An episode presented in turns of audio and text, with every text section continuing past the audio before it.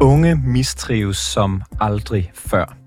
I den offentlige debat bliver den sætning gentaget igen og igen, sammen med fortællinger om, at unge er presset og ikke kan følge med i en perfekthedskultur, hvor niveauet er alt for højt. Samtidig så viser bekymrende statistikker, at hver anden unge kvinde føler sig stresset, og at det samme gælder for hver tredje unge mand. Men er vi nået så langt ud, at det omvendt er blevet kontroversielt som ung at sige, at man har det helt fint? Og er alt den her dystre snak om mistrivsel blandt unge blevet til en selvopfyldende profeti?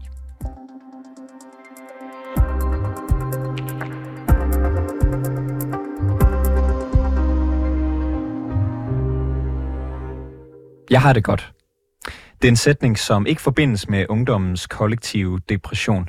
Men ikke desto mindre, så er det starten på et debatindlæg i Politiken i sidste uge, som er skrevet af Mathilde Sørensen.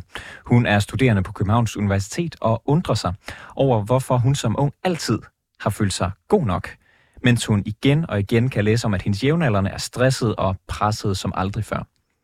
Da jeg tidligere på dagen talte med Mathilde Tørnsen, så startede jeg med at spørge hende, hvorfor hun har valgt at skrive et debatindlæg med det lidt omvendte budskab, at hun ikke har noget problem? Jamen, det var fordi, at jeg følte, at øh, ja, der ikke var nogen, som ligesom skrev det, den anden side af debatten. Så jeg, jeg kunne i hvert fald ikke selv finde nogen, om, sådan, der snakkede om, at vi faktisk også er nogen, som har det rigtig godt, og synes ikke, at, at, at livet er, er så svært, og at øh, ja, det er specielt stressende at øh, gå på universitetet. Så og det er ikke fordi, at jeg ikke synes, at der skal være plads til alle de her øh, debatindlæg og artikler om, om mistrivsel, for de er også altså, virkelig vigtige. Men jeg synes bare, at vi skulle nuancere det lidt, sådan så vi havde flere perspektiver i debatten. Og, og når du siger, at, at du har det, det godt, hvad, hvad betyder det så for dig? Mm, altså, jeg kan bedst beskrive det som sådan Altså, det er sådan en fysisk følelse, jeg har sådan nede i maven. Sådan, jeg kan bare mærke, at sådan, sådan, jeg er rolig, og næsten... Altså, det, det lyder måske meget ja, privilegeret, men når jeg står op hver morgen, så, så glæder jeg mig bare til dagen. Og altså, der skal virkelig gå mange ting galt i løbet af min dag, før at jeg lægger mig til at sove og tænker, det var faktisk ikke særlig sjovt i dag. Altså, der, der skal virkelig meget til. Og, og det har du så skrevet et uh, debatindlæg om i, i politikken det er jo oftest, gætter jeg på, øh, noget, man, noget man gør, når man føler sig indineret, eller man føler sig forarvet, eller synes noget er, er for dårligt. Og du skriver så et debatindlæg med, med den første sætning, som er, jeg har det godt. Er det fordi, at det på en eller anden måde, som ung person i dag, er blevet tabu, og have det ganske okay? Mm, det, det føler jeg faktisk lidt. Jeg føler ofte, at vi kun snakker om alle de, de problemer, vi har, og og man kommer bare så hurtigt ind i sådan en, øh, en negativ cyklus, hvor altså hvis, hvis det er det eneste, man nogensinde snakker om, så tror jeg, det er sådan, altså det, det er en selvopfyldende profeti. Så, at, øh, så hvis vi snakkede noget mere om, om alle de positive ting, og det er noget, jeg selv gør rigtig meget i min venindegruppe, sådan, vi sørger for at snakke om de gode ting, der er sket i løbet af en dag, sådan, hvor glade vi er for hinanden. Og det er bare altså, så selvforstærkende. Og så, ja, vi, vi går på det meste bare rundt og, og smiler til hinanden. Og... Så det er, det er grunden, eller ikke grunden til, men det er en af de forstærkende effekter, som du ser det, til at der er mange, der har det dårligt, det er fordi, at der er så meget fokus på, at unge har det dårligt. Ja, også bare, altså, sådan, hvis vi gør det til, til normalen, at øh, man som ung skal, skal mistrives i, i højere eller mindre grad, så det, det fungerer jo ikke rigtigt. Så, ja. og, og hvorfor kan det så være svært at tale om, at man har det godt? Altså, er det, er det lidt som om, at du, at du føler, at du sådan tværer din lykke ud i ansigtet på nogle, øh, nogle unge mennesker, der har det dårligt? Ja, det, det kan man måske godt sige. Og også sådan, altså, hvad, hvad skal dem, som måske ikke har det så godt, bruge til det, at jeg nu står og fortæller sådan, om jeg har det faktisk rigtig godt. Sådan, hvorfor kan du ikke bare have det godt? Sådan, at, at jeg måske føler, at jeg øh, anklager dem, som kan gå med problemer, at det er deres egen skyld, at de ikke har det på samme måde. Og det er jo altså virkelig ikke øh, pointen, fordi vi har alle sammen altså, forskellige forudsætninger for, altså, hvordan ens liv går, og mange forudsætninger, som vi ikke selv er herre over. Så altså, det er også, øh, det kan være utrolig nemt for mig at sige, at sådan, det, er, det er da egentlig ret nemt at, at være glad, når, når altså, jeg har forældre, som, som stadig er sammen og, og elsker hinanden, og sådan, har elsket mig virkelig godt, og, og jeg har altså, virkelig nære venskaber, og sådan, mange af de her sådan, grunddel på plads, og sådan, jeg kan godt se, at hvis man ikke har dem, så, kan det, så er det ikke så nemt, som jeg kan få det til at lyde øh, at være glad. Så hvis du for eksempel ikke havde de nære relationer, ikke havde den øhm, øh, stabile familie at, at vende hjem til, hvis, hvis nu noget skulle, skulle blive svært, så kan du godt se, hvorfor. Ja, det kan jeg virkelig godt. Jeg kan også, altså, når jeg tænker gennem mit liv, sådan, hvornår jeg selv har været mest ked af det, sådan, så, så var det øh, i, især i løbet af min folkeskoletid, der brugte jeg utrolig meget tid på at forsøge ligesom at være venner med, med de måske stereotype populære. Fordi jeg troede, at, ligesom, at det, altså, hvis, hvis jeg kunne være venner med dem, så betød det, at jeg var god nok. Og så troede jeg, at det ville gøre mig glad. Så og det, øh, det var først, da jeg ligesom sådan, trådte tilbage fra sådan, det, og kiggede mig rundt, og så fandt en, en pige, som, som ville mig lige så meget, som jeg ville hende, øh, at jeg virkelig var glad. Og siden at jeg blev rigtig, rigtig tæt med hende her pigen, som jeg gjorde i måske 8. og 9. klasse, altså så, det, det var der, den der ro i maven kom. Og den har du haft øh, stort set lige siden? Stort set lige siden, lige. Og alligevel, du siger det her med, at de nære relationer, den her, de har sådan grundting, man kan have på plads med, at der i hvert fald er en eller anden form for stabilitet, man kan have i sit liv, som gør, at man ligesom kan bygge lykke oven på det. Øh, alligevel så siger du også det her med, at, at de unges mistrivsel og alt det fokus, der er på det, kan blive en selvopfyldende profeti. profeti. Ser du eksempler på det, når du færdes på universitetet blandt andre unge mennesker, at, at der er nogen, der, der får det dårligt, fordi der er så meget fokus på, at unge har det dårligt? Altså, det gør jeg til, til en vis grad. Nu, nu synes jeg faktisk, at jeg er færdig i et miljø, hvor der er, rigtig få, der for mig øh, ligner de mistrives. Det er også derfor, jeg har skrevet det her. Det er fordi, jeg, jeg synes slet ikke, at, at der er så mange, som man får det til at se, øh, se ud som. Men jeg tror, også, sådan, nu når vi snakker om det her, så ja, det kommer, får mig til at tænke på sådan, de samtaler. Jeg har spillet elite-tennis i mange år, og så min træner, han sagde til mig, at jeg kunne slå 10-20 gode slag i træk. Og hvis jeg så lavede en fejl, så var det det eneste, jeg kunne tænke på.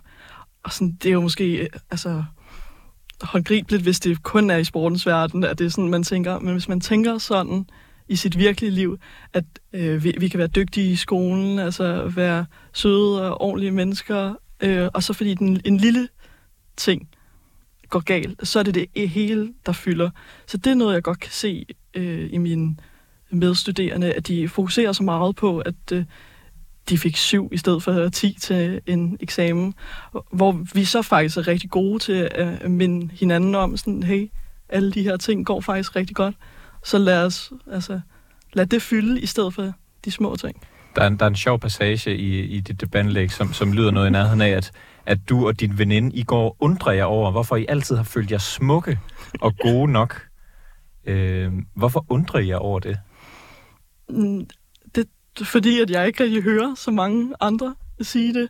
Sådan, det er jo ikke, fordi nogen af os sådan, er, er supermodeller, eller, eller de, de klogeste i verden, men vi har, altså, vi har sagt til hinanden, lige siden vi var de her 13-14 år gamle, altså ros hinanden og sagt, jeg synes faktisk, du ser virkelig smuk ud i dag. Sådan, var det bare flot, at du har klaret den her ting. Og det er simpelthen bare blevet sådan en del af vores ordforråd, altså hver eneste gang, vi er sammen så siger vi de her ting til hinanden. Og efter sådan 10 år, sådan, når man bare har hørt det sådan en gang om ugen, så, så begynder man at tro på det. Og øh, ja, det, det er noget, jeg virkelig håber, at sådan, andre også vil, vil snakke højt om. Du siger det her med, med at tage ansvar selv. Du, du skriver så også i, din, øh, i dit debatindlæg, at, at du kommer fra en privilegeret baggrund. Du kommer fra forældre, du sagde det selv lige før, at, at de er stadig sammen. De har elsket dig hele dit liv. Du skriver også om, at de har hjulpet dig med skolearbejde hele vejen gennem gymnasiet og faktisk også ind i, ind i universitetet. Er det lettere for dig at tage det ansvar, end det er for mange andre unge mennesker? Det er helt sikkert øh, lettere, men der er også personer, som kommer med samme baggrund som mig, som alligevel ikke kan finde ud af det. Så det er ikke altså, hele svaret.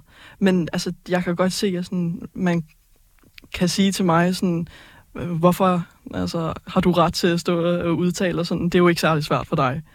Du har jo så valgt at komme med det her modsvar, kan man vel på en måde sige til, til, øhm, til en masse mennesker, der, der har det skidt unge med, med mistrivsel.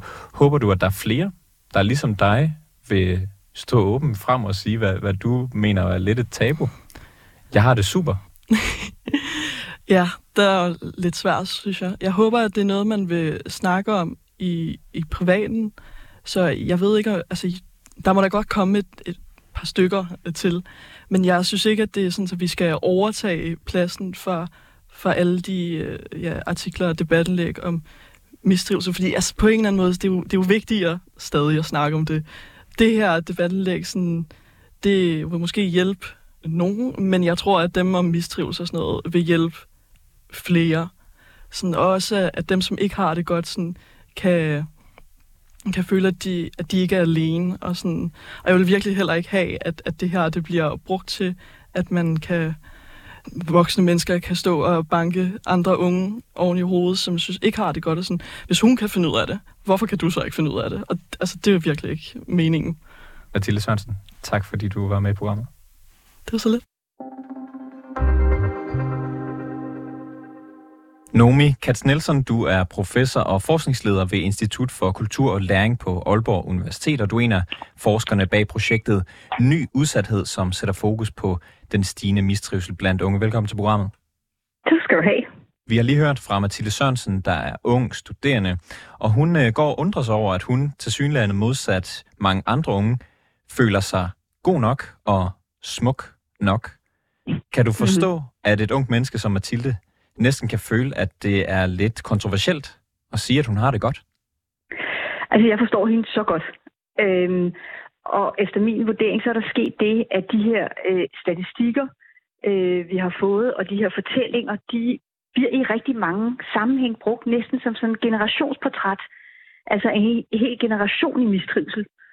Øh, og det er forkert, at vi gør det. Og det gør jo, at der sidder Mathilde og formentlig mange andre med hende og tænker, øh, det kan jeg ikke genkende mit liv i. Eller tænker, øh, siden jeg ikke føler, jeg er i mistrivsel, hvad er der så galt med mig? Mm. Og, og hvorfor det er, er det forkert? Jamen det er forkert, fordi at vi kommer til at forstå det her omkring mistrivsel som værende sådan, at vi kan pege på nogle unge, der er i mistrivsel, og nogen, der er i trivsel. Næsten ligesom hvis vi tog sådan nogle du ved, statistiske kategorier, og ligesom ploppede dem ned på mennesker. Men, men sådan fungerer det sjældent. Øh, og det vi skal forstå, det er, og der, jeg tror simpelthen, jeg overvejer selv i øjeblikket, om man skal øh, øh, øh, øh, helt gå hen og, og droppe det her begreb om mistrivsel og, og trivsel, fordi det skaber mere forvirring, end det skaber gavn, og det skaber sådan en, nogle, nogle fortællinger om, om hele generationer. Fordi det, det handler om, det er, at der, altså det begreb omkring mistrivsel i dag, det dækker alt for bredt. Der er nogle unge, som kæmper altså hele vejen rundt i deres liv, og har det sindssygt svært. Og så er der nogle andre unge, øh, som man kan sige, hvor det skifter i periode, og hvor det med at tale om, at man er i mistrivsel eller i trivsel, det i virkeligheden bliver forkert. Fordi det kan være nogle områder af deres liv. Det kan være, at de har det godt i skolen og oplever, at de har venner, men øh, har det svært derhjemme. Og, og, og det er jo sådan, at man hører det hele tiden i medierne. Jeg menes også, at der var et politisk parti, der i løbet af den seneste valgkamp talte om, at man skulle have et decideret trivselsministerium, altså der skulle tage sig af øh, børn og unges øh, trivsel. Hvem er skyld i, at vi står i en situation nu, hvor unge mennesker, der har det godt, synes, det kan være lidt tabuiseret at gøre opmærksom på det? Jamen, man kan sige, at det, det, det kommer jo et godt sted fra, at man gerne vil gøre noget for at gøre børne- og ungdomslivet bedre. Og jeg tror, at øh, det vi skal kigge på, det er, at der er nogle forhold ved det moderne liv i dag, som unge har, øh, som er smaskfyldt med muligheder og med krav og med forventninger. Og nogle unge formår at balancere de her krav og forventninger og muligheder det meste af tid. Men nogle perioder, så vil de også være udfordret af det, man kunne kalde en slags overbelastninger. Og det er måske det mere præcise begreb, vi kan bruge end mistrivsel. Fordi overbelastning, det er, når alle mulige ting, der egentlig godt hver for sig kan være gode, Men når det bliver for meget, så bliver det for meget. Og det kender mange voksne jo også, og jeg tror, det er en del af det, der er ved ungdomslivet i det, det samfund, vi har i dag. Det er, at der er en risiko for overbelastning i perioder, og det kan føre til mistrivsel. Oh. Og der tror jeg, at det, vi har brug for, det er mere bred snak om, hvad det er, der er gode liv. Øh, lykkelig Mathilde Sørensen er, hun, øh, hun øh, mener også det her med, at det, at vi hører så meget om, at unge generelt set, eller i højere grad end nogensinde mistrives, det kan gå hen og blive sådan en form for selvopfyldende profeti. Mm. Er du øh, enig i den betragtning? Ja, jeg er enig i, at man kan risikere at snakke så meget om det, at unge begynder at kigge øh, og tænke, gud, øh, øh, øh, hvad er der egentlig galt, eller hvad er det egentlig svært, og lad det fylde. Fordi vi kommer til at kalde det mistrivsel, også når det er svære kriser, øh, svære ting i livet. Men, men det at være i trivsel betyder jo ikke, at man er sådan fuldstændig happy, happy hele tiden. Øh, hvad, hvad kan det egentlig have konsekvenser? Altså, altså, der ligesom er den her diskurs af, at unge mennesker, de er sådan i grundlæggende øh, kede af det. Øh, hvad kan det have konsekvenser for, for de mennesker, der måske ikke har det sådan, så som Mathilde Sørensen? Altså, kan det betyde, at, at de kan udleve og deres lykke? Hmm. Nej, jeg tror, det er mere, øh, øh at vi får lavet nogle forskelle, der ikke er der.